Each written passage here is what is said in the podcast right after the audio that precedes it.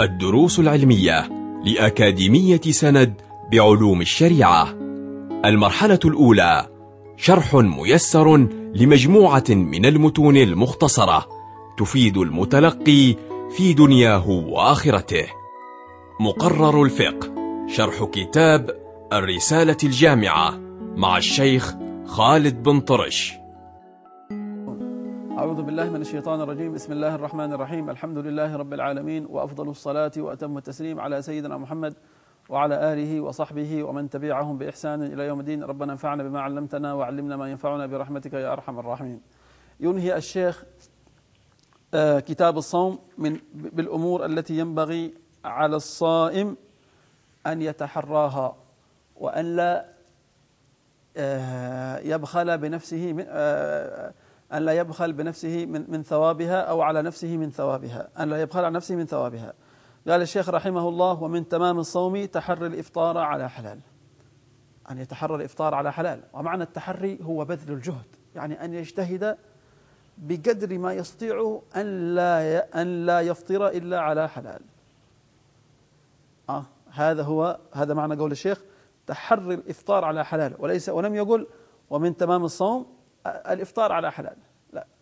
ولكن يجب أن يجتهد ويبذل جهده في أن لا يدخل بطنه آه شيء إلا وهو حلال صرف مهما أمكن بحسب استطاعته وقدرته. قال الشيخ من تمام الصوم تحري الإفطار على حلال وهو أن يحرص على الحلال. فلا فكل طعام حرام أو كل طعام مشوب بشبهة أو شاك فيه فلا ينبغي له أن أن يقربه لا ينبغي له أن يقربه ويقول بعد الإفطار الدعاء المشهور عنه صلى الله عن بعض الصحابة وهو مجموع من عدة روايات. اللهم لك صمت وعلى رزقك أفطرت وبك آمنت وعليك توكلت ورحمتك رجوت وبك آمنت وإليك أنبت. ثم إذا شرب الماء يقول ذهب الظماء وابتلت العروق وثبت الأجر إن شاء الله تعالى. يا واسع الفضل اغفر لي. قال الشيخ ومن تمام الصوم تحري الإفطار على حلال. قال وعدم الاستكثار من الأكل. ينبغي له أن لا يستكثر من الأكل لأن من كثر أكله كثر شربه ومن كثر شربه كثر كسله ونومه كما يقول العلماء عليهم رضوان الله تعالى وخصوصا السحور. فهناك وكذلك الإفطار فإن الأكثار من الأكل في الفطور مدعاة للكسل وعدم وعدم له وعدم القيام لصلاة التراويح أو عدم التطويل في صلاة التراويح. سببه ماذا؟ سببه الإكثار من الأكل في الفطور. والإكثار من الأكل في السحور يسبب التخمة والأمراض لأن يعقبه غالبا بعض أكثر الناس إذا تسحر يجلس ربع ساعة ثم بعد ذلك يصلي الفجر وينام. وبهذا يصاب بكثير من الأمراض والعياذ بالله. ولكن كلما كان آه كلما كان أكل الصوم كفاء أكل الصائم كفافا بما يسد قوامه فهو أفضل وأفضل وأفضل. قال وعدم الاستكثار من الأكل. قال وينبغي الاستكثار من الصوم أي صوم التطوع. ينبغي أن يستكثر منه. قال صلى الله عليه وسلم قال الله عز وجل كل عمل ابن آدم له. إلا الصوم فإنه لي وأنا أجزي به. وجاءتنا الأحاديث الكثيرة الكثيرة الكثيرة التي ترغب المؤمن وتحفزه وتحبذ منه أن يكثر من الصيام وخصوصا الأيام الفاضلة التي قال الشيخ عنها قال لا سيما الأيام الفاضلة. والأيام الفاضلة كما يقول العلماء رحمهم الله التي ندب الشارع إلى صومها. منها ما يتكرر بتكرر السنين. يعني يأتي في السنة مرة واحدة. إذن فلا ينبغي على المؤمن أن لا يبخل على نفسه من ثواب ذلك اليوم أو من صيام ذلك اليوم. ومن جملتها يوم عرفة مثلا. في السنة واحد يوم واحد. وكذلك ستة أيام من أيام ستة أيام من شوال. قال صلى الله عليه وسلم من صام رمضان ثم أتبعه ستة من شوال فكأن فكأنما صام الدهر كله. أو كما جاء عنه صلى الله عليه وسلم في الصحيح وغيره.